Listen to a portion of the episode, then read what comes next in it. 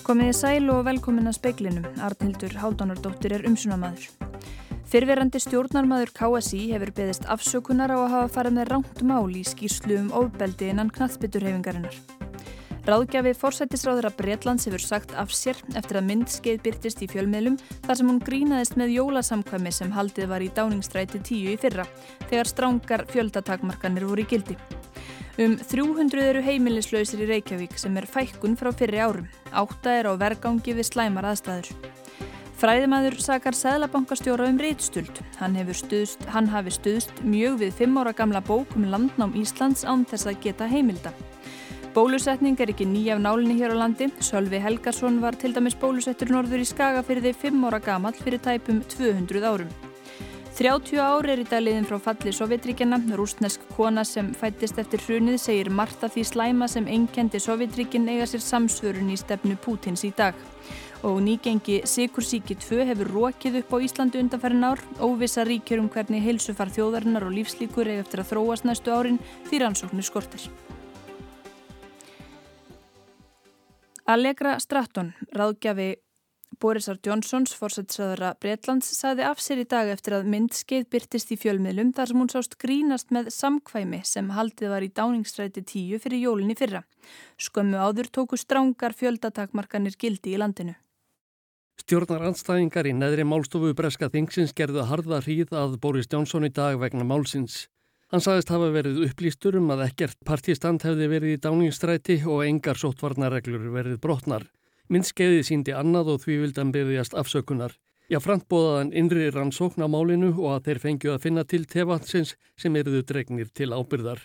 Vegna þessa tilkynnti Angela Stratton afsökn sína síðdegis. Grátt bólginn saðist hún hafa sagt eitt og annað sem hún ætti eftir að yðrast það sem hún ætti eftir ólífað.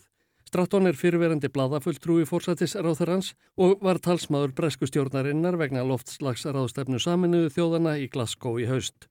Samkvæmt heimildum breskra fjölmiðla komu nokkrir tugir saman í Dáningstræti 10 skömmu fyrir jóli fyrra, fjórum dögum eftir að tilkynnt varum strángar samkomu takmarkanir vegna COVID-19.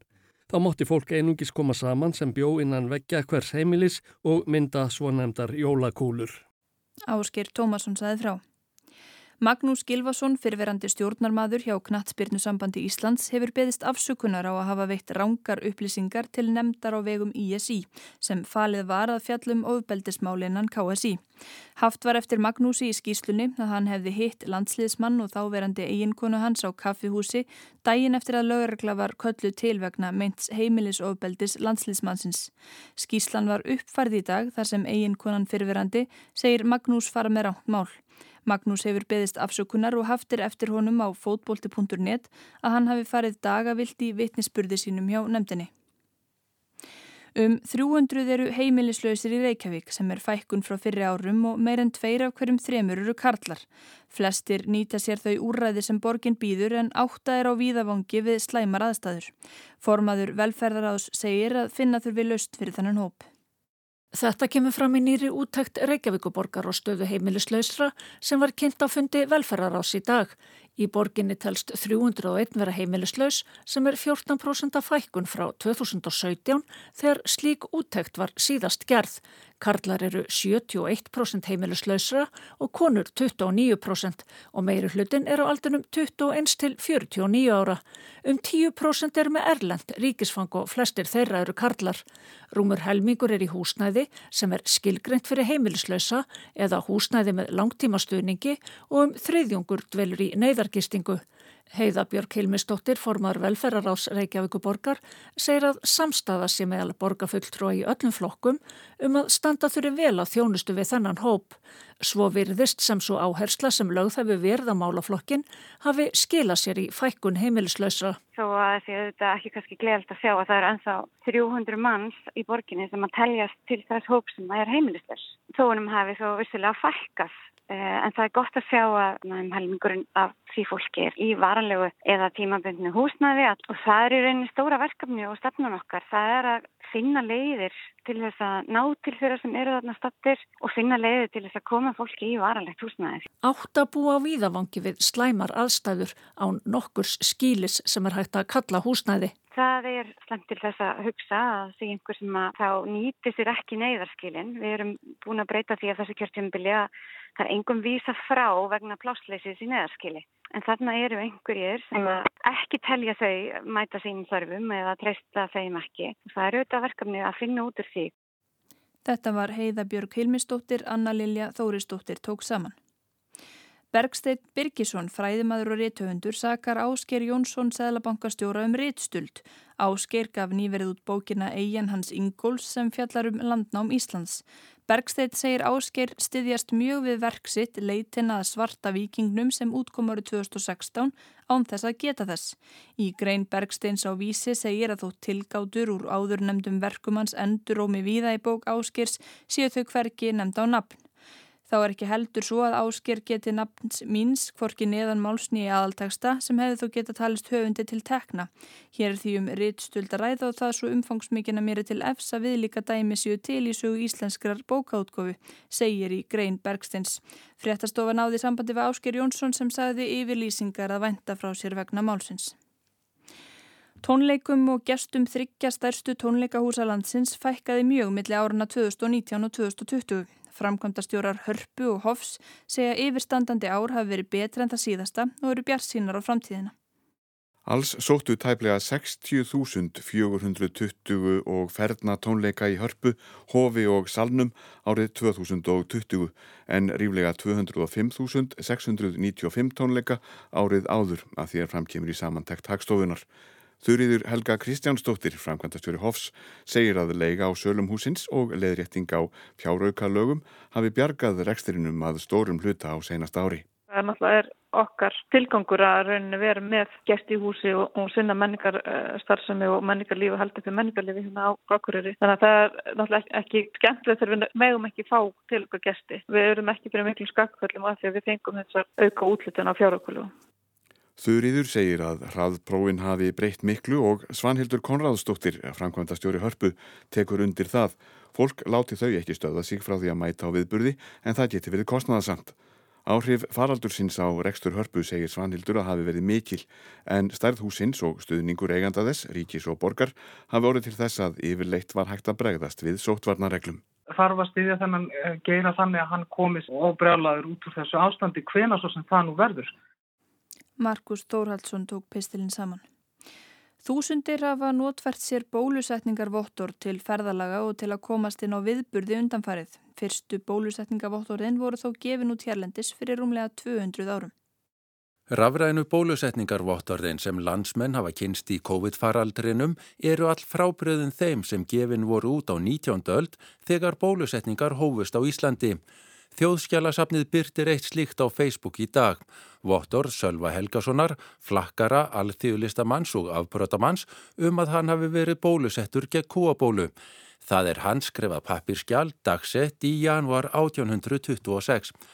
Vottorið verið Sölvi hafa nota sem skiliríki og grunur vaknaði um að hann hefði falsað vottorið sem virðist þó hafa verið raung áleiktun. Bjarni Pálsson Prestur skrifaði upp á að hinn fimm ára gamli sölvi hefði verið bólusettur með kúabólu. Með nákvæmri rannsókn er skildi millum þess sjönda og nýjunda dags hef ég fundið öll merki til að þetta væri þær réttu kúabólur því þær voru heilar og óskattaðar, uppfyldar tærum vessa, hafðu lauti í miðju og umgýrtar rauðum ring Ofan skrifaður Sölvi Helgason hefur því fengið þá réttu kúabólu sem framvegis varðeitir hann frá barnabólunni, hvað hér með upp á æru og samvisku votast. Segir í vottorið Sölva. Bólusetningar hófust hérlendis árið 1802 gegn kúabólu þeirri sem Sölvi fekk vörd gegn 24 árum síðar. Skilt var að bólusetja börn við kúabólu allt til 1978 þegar búið var að útrýma sjúkdóminum á heimsvísu. Brynjólfur Þór Guðmundsson saði frá. Nýgengi Sikursíki 2 hefur rókið upp á Íslandi undan farin ár, engum hjá yngra fólki. Rúmlega tvöfalt fleiri eru með sjúkdómi nú en fyrir 15 árin. Á sama tíma vegnar þeim sem fá hjartasjúkdóma betur en áður og færri deyja. Óvisa ríkjur um hvernig heilsufar þjóðarinnar og lífslíkur hafa þróast og eiga eftir að þróast næstu árin því rannsóknir skortir. Í november fjölgaði félögum í samtökum Sigursjúkra um 400 eftir vitundarvakningu sem samtökin stóðu fyrir. Lang flest í þeim hópi eru með Sigursíki 2. Við hefum séð það fyrir löngu síðan og ég held að svona flestir sem skoða tölurnar sjá það að þetta er náttúrulega mjög mikið vaksandi vandamál og, og var nú kallað fyrir dag af COVID faraldur 2001. aldarinnar af alltjáðarsamtökum Sigursjúkra. Þetta hefur gengið lengi undir því nafni segir Sigriður Jóhannsdóttir formaður samtaka Sigursjúkra. Tór Aspelund, professor í líftölfræði og yfir tölfræðingur hjartavendar, óttast að Ísland fylgi nú sömu vakstarkurfu og bandaríkin gerðu fyrir aldamót þegar Sigursíki stórjókst þærlandi. Þannig að við verðum kannski meira líkari stöðin í bandaríkinum eftir 10-20 ár. Og mér finnst það er svona frekar óþægilegt að hugsa til þess sko. Um átta af hverjum hundrað bandaríkjumönnum eru greindir með Sigursíki 2 og þar hækkaði hlutfalli hratt á milli 1990 og 2010 en hefur síðan staði stað. Hér á Íslandi hafa um fjórir af hverjum hundrað íbúðum greinst með sjúkdóminn, helmingi læra hlutfallin í bandaríkunum og nokkuð gott eða hvað. Nei, ekki ef litið til þess að hlutfallið hér var í kringum 2% árið 2005. Það er þessi stífa leitni upp á við. Þrátt fyrir að tilvikum fjölg ekki lengur vestanhafs hefur því verið spáð að kostnæður vegna sikursíki eigi eftir að aukast um helming fram til ásins 2030. Ör fjölgun tilvika hér á óhjákvæmlega líka eftir að leiða til aukins kostnæðar. Fjallaður um stöðun á Íslandi í nýleiri rannsók sérfræðinga á vegum hjartavendar. Milli árana 2005 og 2018 jógst nýgengi sikursíki hjá Íslandingum á aldrunum 18 til 79 ára um tæp 3% á hverju ári. Hópurinn fóru rúmlega 4.000 manns í tæp 11.000. Það fjölgar í öllum aldurshópum, meira meðal hvenna en kalla og meira hjá þeim yngri en eldri. Og það eftir að skil okkur fleiri síðan sikursjúkum upp á efri árin. Tór hefur líka fylst grant með þróun hjarta og æðasjúkdóma undanfæran ár. Þeir eru skæðir í fyrra mátti reykja þriðja hvert döðsfall á Íslandi til slíkra sjúkdóma. Þarna virðist þróunin þó hafa verið í rétta átt síðustu áratíu, þó ekki séu til nýja rannsóknir á stöðinni.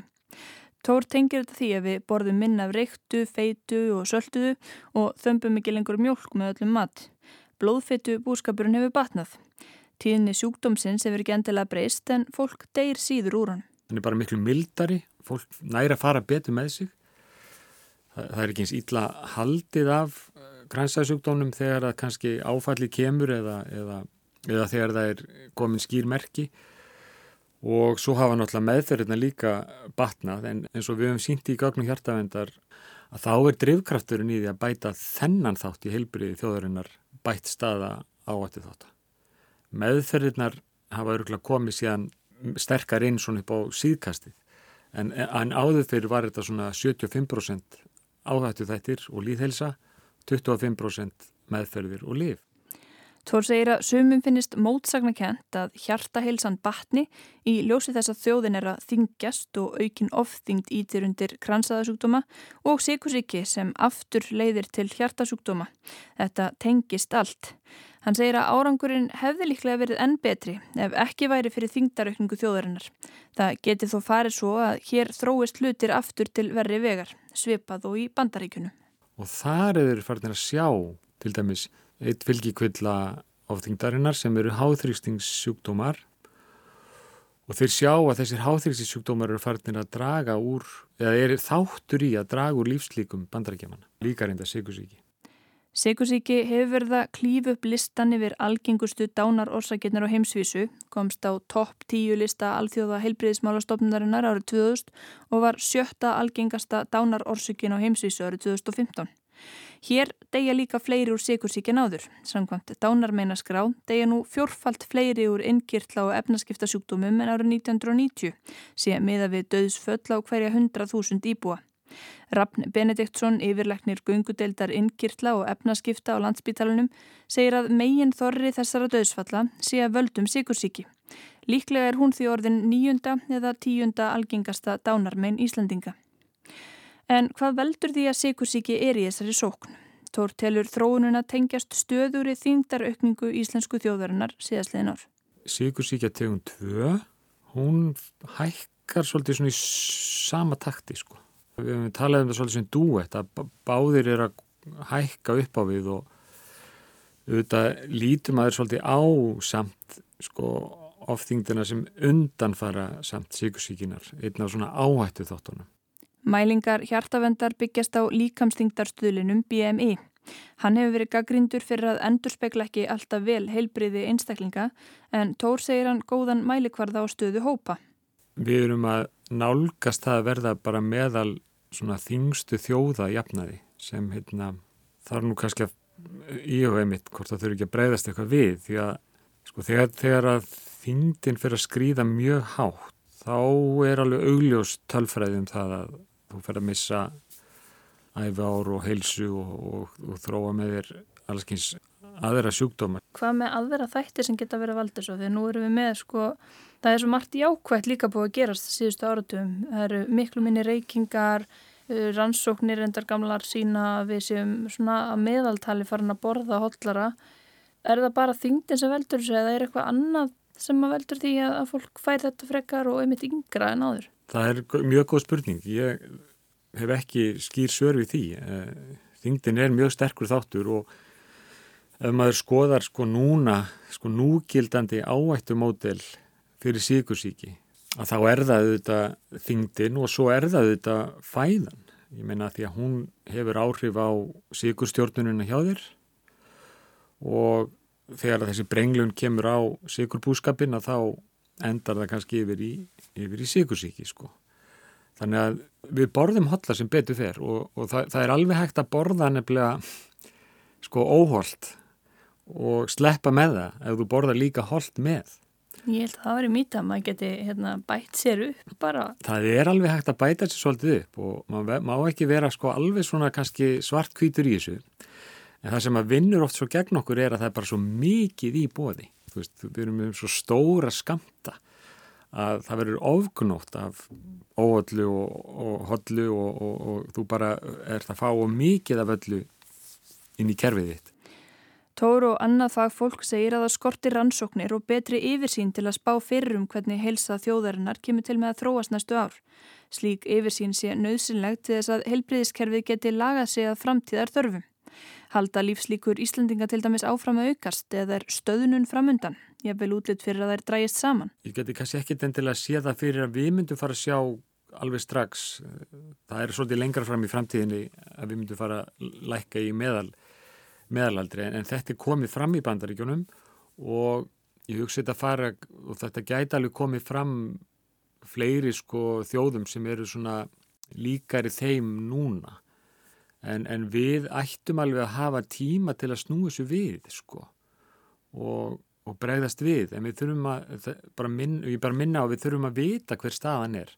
Læknar hjartavendar telja lungu komin tíma á nýja hóbransókn, svo síðasta hóstaru 2005 og gaf þá myndað þróun síkursíki, hjartabilunar og kransaðasjúkdóma, auk áhættu þátt að eins og holdafars, blóðristings, blóðfyttu og æðakölkunar. Óvisa er um hvernig mataræði landsmanna hefur þróast frá 2011 þegar að síðasta rannsókn var byrt. Það vísu er nýjó leiðinni. Sammáli gegnum með offitu síðasta hóprannsókn á líkamstingt er frá 2011. Sikursíki 2 var áður kölluð áunin sikursíki en ekki lengur. Fríða Bragadóttir, framkvæmtastjóri samtaka sikursjúkra, segir að vissar erðir auki áhættu og það að passa ekki upp á lífstilinn geti hraða því að sjúkdómunum brjótist fram. Saladétandi marathónhlauparar geti þó líka fengiðan. Með því að tala um áuna sikursíki hafi skuldinni verið skellt á einstaklingin. Fólk hafi skamma sín, ég vel frestaði að leita sér aðstóðar og aðrir hafi talið segja rétt á því að segja að sikursjúkir gætu bara sjálfum sér um kent. Það kemur inn á stað hreyfingaleysu og afþyngt en þú þarf líka að vera með ákvæmna erðasætti til þess að fara að stað. Manna, þú getur séð, maður getur verið feitur í 50 ára aldrei fengið sikursíki sko. Það er ekki allir feitir sem fá sikursíki. Segir Sigriður formaður samtakana. Hún segir þungt fólk með sikursíki 2 finna fyrir fetufordómum og þá hafi samtökinn þurft að vera hörði í hagsmunavörslu gagvart ríkisvaldinu. Svona stundum við verið að reyna að poti það sem sikursíki þurfa, þú veist, og með liv og hjálpatæki og þess aftar að reyna að láta kostna að þáttökunna vera meiri heldur hún hefur verið.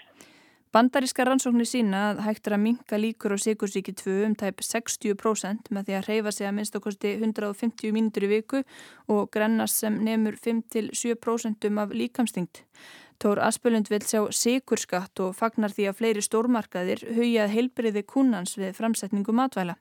Sigriður segir að svo verði sem samfélagið átti sig ekki nógu vel á mikilvægi forvarna nema á tillitugum. Það þurfa að koma í veg fyrir að fólk veikist enda sé þjónusta við sikursjúka orðin stór þáttur í útgjöldum helbreyðiskerfisins. Það skiptir rosalega miklu máli að berjast fyrir líðhelsu og þetta fólk sem að manneldisráð og fleiri sem hafa stóði hérna í stafni og börðust fyrir allskyns bættri matamenningu og svo tala um tópasvartirna sko að þetta er náttúrulega búið að bjarga þvílít mörgum mannslífum. Segir Tór Aspelund.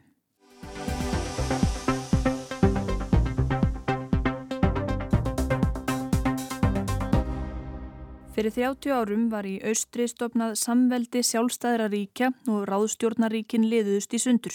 Á jóladag árið 1991 sást rauði fánin með hamri og sigð blakta í síðasta sinni vir Kreml. Síðan hefur hinn rauði, blái og hvíti fáni Rúslands verið dreyin þar að húnni. Viktoria Baksína, íslensku og rúsnesku kennari, segir Sovjetríkin alls ekki fjarlag í sínum huga.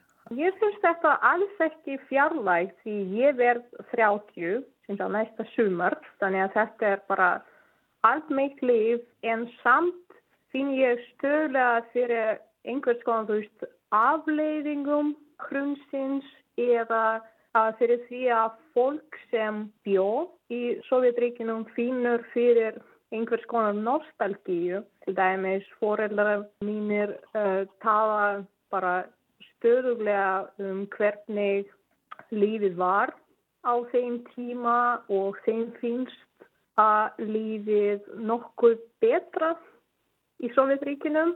Hún tengir þetta því að í Sovjetríkunum hafi allt verið planað, allt samkvæmt áallun og það hafi markað fólk sem fættist þar. Það skorti gaggrina hugsun og hekju oft við að taka ákvarðanir. Fólk þurfti ekki að hugsa um neitt því ríki var að gæta bókstaflega alls. Eftir fall Sovjetríkjana tóku við mikla hræringar. Jón Ólafsson, professor í íslensku og menningardeilt Háskóla Íslands, segir að Rúsland hafi raun ekki verið til innan Sovjetríkjana. Það hafi svo breyst síðustu 2-3 árveldisins og þar með hafi verið út um þau. Rúsland hafði raunin ekki verið til innan Sovjetríkjana. Rúsland kvarf í Sovjetríkin og þetta er til dæmis bara eitt af, af þeim stóru málum sem er í gangi sko strax 88-89 Uh, þegar að, að, að Gorbachev og, og hans uh, politbíróið og síðan ríkisráðið og, og þessar stopnarnir sem hann er að reyna að búa til meira á fórsendum ríkis heldur en kommunistaflokksins að, að þau eru stöðut að tala um þetta hva, hvernig hefur við að skilja Rúsland og, og hérna til dæmis 89 þá er Gorbachev og reynda lengi á eftir það er hann mjög harðorður gagvart því sem hann kallar einhvers konar sjálfstæðisvæðing Rúslands, hann talar um það með niðrandi, niðrandi tón. Og, og, það, og, og honum finnst að sko Rúsland þurfi að, að byrtast, það þarf að vera til en það má ekki vera einhvers konar dominerandi afl. Og þetta kannski þegar maður horfið tilbaka er í rauninni alveg óhugsandi að ímynda sér Sovjetríkin þar sem að Rúsland er til sem ríkja því það er svo miklu miklu starra heldur en öll hinn ríkin en samt sem aður eru Sovjetríkin til þannig að þessi, þessi tókstreita er í rauninni uh, það sem að, að ég held að, að svona ef maður horfir á þróunina nokkur ára áður en, en Sovjetríkin falla er að, að í rauninni toga það í sundur má segja að Rúsland er að verða til og ef það verður til þá geta Sovjetríkin í rauninni ekki verið til. Múrin fjall árið 1989, tveimur árum síðar var reynd að steipa Gorbachev á stóli og hann veik svo fyrir Boris Jeltsin sem var fórseti Rúslandsum vetur 91. Jón segir að eftir valdaráns tilraun svo kallara harlinumanna hafi raun verið allur vindur úr Sovjetríkunum. Gorbachev hafi reynd að haldi hugmyndina um endursköpu Sovjetríki og nýjan sambandsamning. En þegar að, að Jeltsin og, og Kraftchuk sem er þá nýkjörinn fórseti Úkræninu hittast í, í Belarus, Kvítarúslandi þarna 8. desember að þá í rauninni er það Kraftchuk, Úkrænu fórseti sem að, að stútar Sovjetríkjónum. Það er að segja hann neytar að hafa nokkuð með nýjan sambandsamning að gera sem að Jeltsin er þá í rauninni með í höndunum eh, í umbóðu Gorbatsjós má segja þannig endar þetta. Og, og, og, og þannig að, að Jeltsinirunni hann tekur við uh, því svona pólitíska uh, ástandi sem að náttúrulega hafði verið í Moskvu en sem Rúslandsfósiti og hleypir af stað kannski þeim umbótum uh, sem að, að hafðu verið í umræðinni um efnagslega umbótum sem hafðu verið í umræðinni í nokkur ára á undan uh, skyndi áhlaup má segja á, til þess að breyta efnagslífunu og og þess vegna þá um leið og bara janúar 92 rennir upp að þá er bara allt annað í gangi. Þá er, er, er það fólk sem að, að Jeltsin hefur sett í ennbætti, það í rauninni tekur við, þetta næstu því eins og byltingar ástand að það eru þessir hérna, þetta yngra fólk og þetta lið sem er kringum Jeltsin sem að gengur inn í ráðuneyti fyrfirandi Sovjetríkjana, tekur af þeim skiltin og setur upp ný, nú heitir ekkert Sovjetríkin heldur heitir allt rúsneska sambandið. Og menn trúa á þessa áhlaups aðferð og þetta eru þetta það sem að Vesturland höfðu verið að predika, ráðgjáðarnir höfðu komið í stríðum ströymum, þetta er kannski það sem við myndum kalla í dag nýfrálsíkju væðingu og ég held kannski emmaður ætlar að, að síðan að, að, að hugsa um það sem að gerist í framhaldinu þá er það þetta, það er, það er þessi, þessi áhlaups aðferð sem að að setur allt í uppnám næstu tíu árin. Að það var alltaf þessu hugmynd, já, fólk verður að skilja það, þetta verður erfitt í smá tíma, en svo gengur það vel. En það kom kannski aldrei fram hversu langur þessi smá tími væri og kannski má segja að allur áratugurinn hafi verið farið í þetta, fyrst að, að stúta kerfinu og síðan að, að einhvern veginn púslaði saman aftur. Margir setja kannski samasemmerki á milli Rúslands og Sovjetríkjana. Jón segir þetta í raun ekki eiga við nema litlu leiti. Rúsland er fjöldþjóðlegt sambandsríki en hinn ríkin 15 er öll þjóðríki. Þróunin í þessum ríkjum hefur verið mismunandi. Til dæmis voru mið Asjúríkin ekki að sækjast eftir sjálfstæði á þessum tíma en í Georgíu var hörð sjálfstæðisbaráta. Jón segir að fyrstum sinn hafi Rúsland, Úkraina og Kvítarúsland staðið saman, myndað bandalag gegn Sovjetríkunum þar sem þau höfðu úr stopnaðau árið 1922 með samningi við transkaukasíska líðveldið. Þannig að þeir segja, fórsettur þessara, þessara ríkja eða, eða leiðtor þessara ríkja, við getum lagt niður Sovjetríkin. Sovjetríkin eru bara samningur okkar. Og, og þess vegna gera þér það. Og á þessum tíma þá, það, þá standa Rúsland og Úkraina saman gegn Sovjetríkjónum en svo auðvitað sjáum við það núna að þetta er gjör breytt Kaldastriðinu er lokið en undanfæran ár hefur verið stríkt millir Úslands og Bandaríkjana og ekki ósjaldan sagt að andrumsloftið á millir ríkjana hafi sjaldan verið napura og nú er það ekki síst vegna málefna Úkrænu. Í gærrættu Vladimir Putin fórsettir Úslands og Joe Biden Bandaríkja fórseti saman í tvo klukkutíma og einna helst um Úkrænu. Liðsöpnun rúsneska hersins og landamærunum vekur ökkum yfirvóðundi innrás rússa en Putin segist óttast að Úkræna fara með herliðin og svæði í austuluta landsins sem aðskilnaðar sinnar allir rússum halda.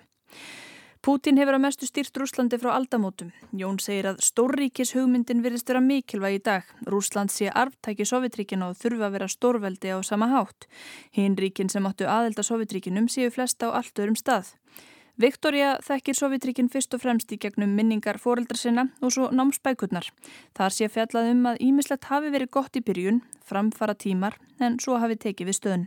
Og það sem okkur finnst ekki gott er veist, skortur af frelsi og uh, fólk gata ekki tjáð sig eins ofinbert og eins ofinskátt en við berum þetta saman veist, við tímabil til aðeins Pútins og við finnum fyrir, finnum fyrir því að það er mikið sameinlegt í þeim stefnum sem eru nú í gangi í Rúslandi.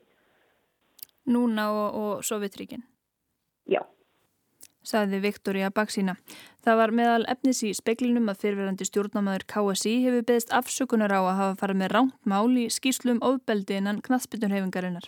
Ráðgjafi fórsættisraðara Breitlands hefur sagt af sér eftir að myndskeið byrtist í fjölmiðlum þar sem hún grínaðist með jólasamkvæmi sem haldi var í dáningsstræti tíu í fyrra þegar strángar fjöldatakmarkanir voru í gildi. Og fræðimæður sakar Sæðlabankastjórnum Ritstult, hann hafi stuðst mjög við fimm ára gamla bókum landnám Íslands rigning með köplum en úrkomu lítið um landið norðvestanvert hiti um eða undir frostmarki mildast við söðurströndina. Fleiri er ekki spekli kvöldsins. Tæknum aður var Magnús Þorstedt Magnússon. Verið sæl.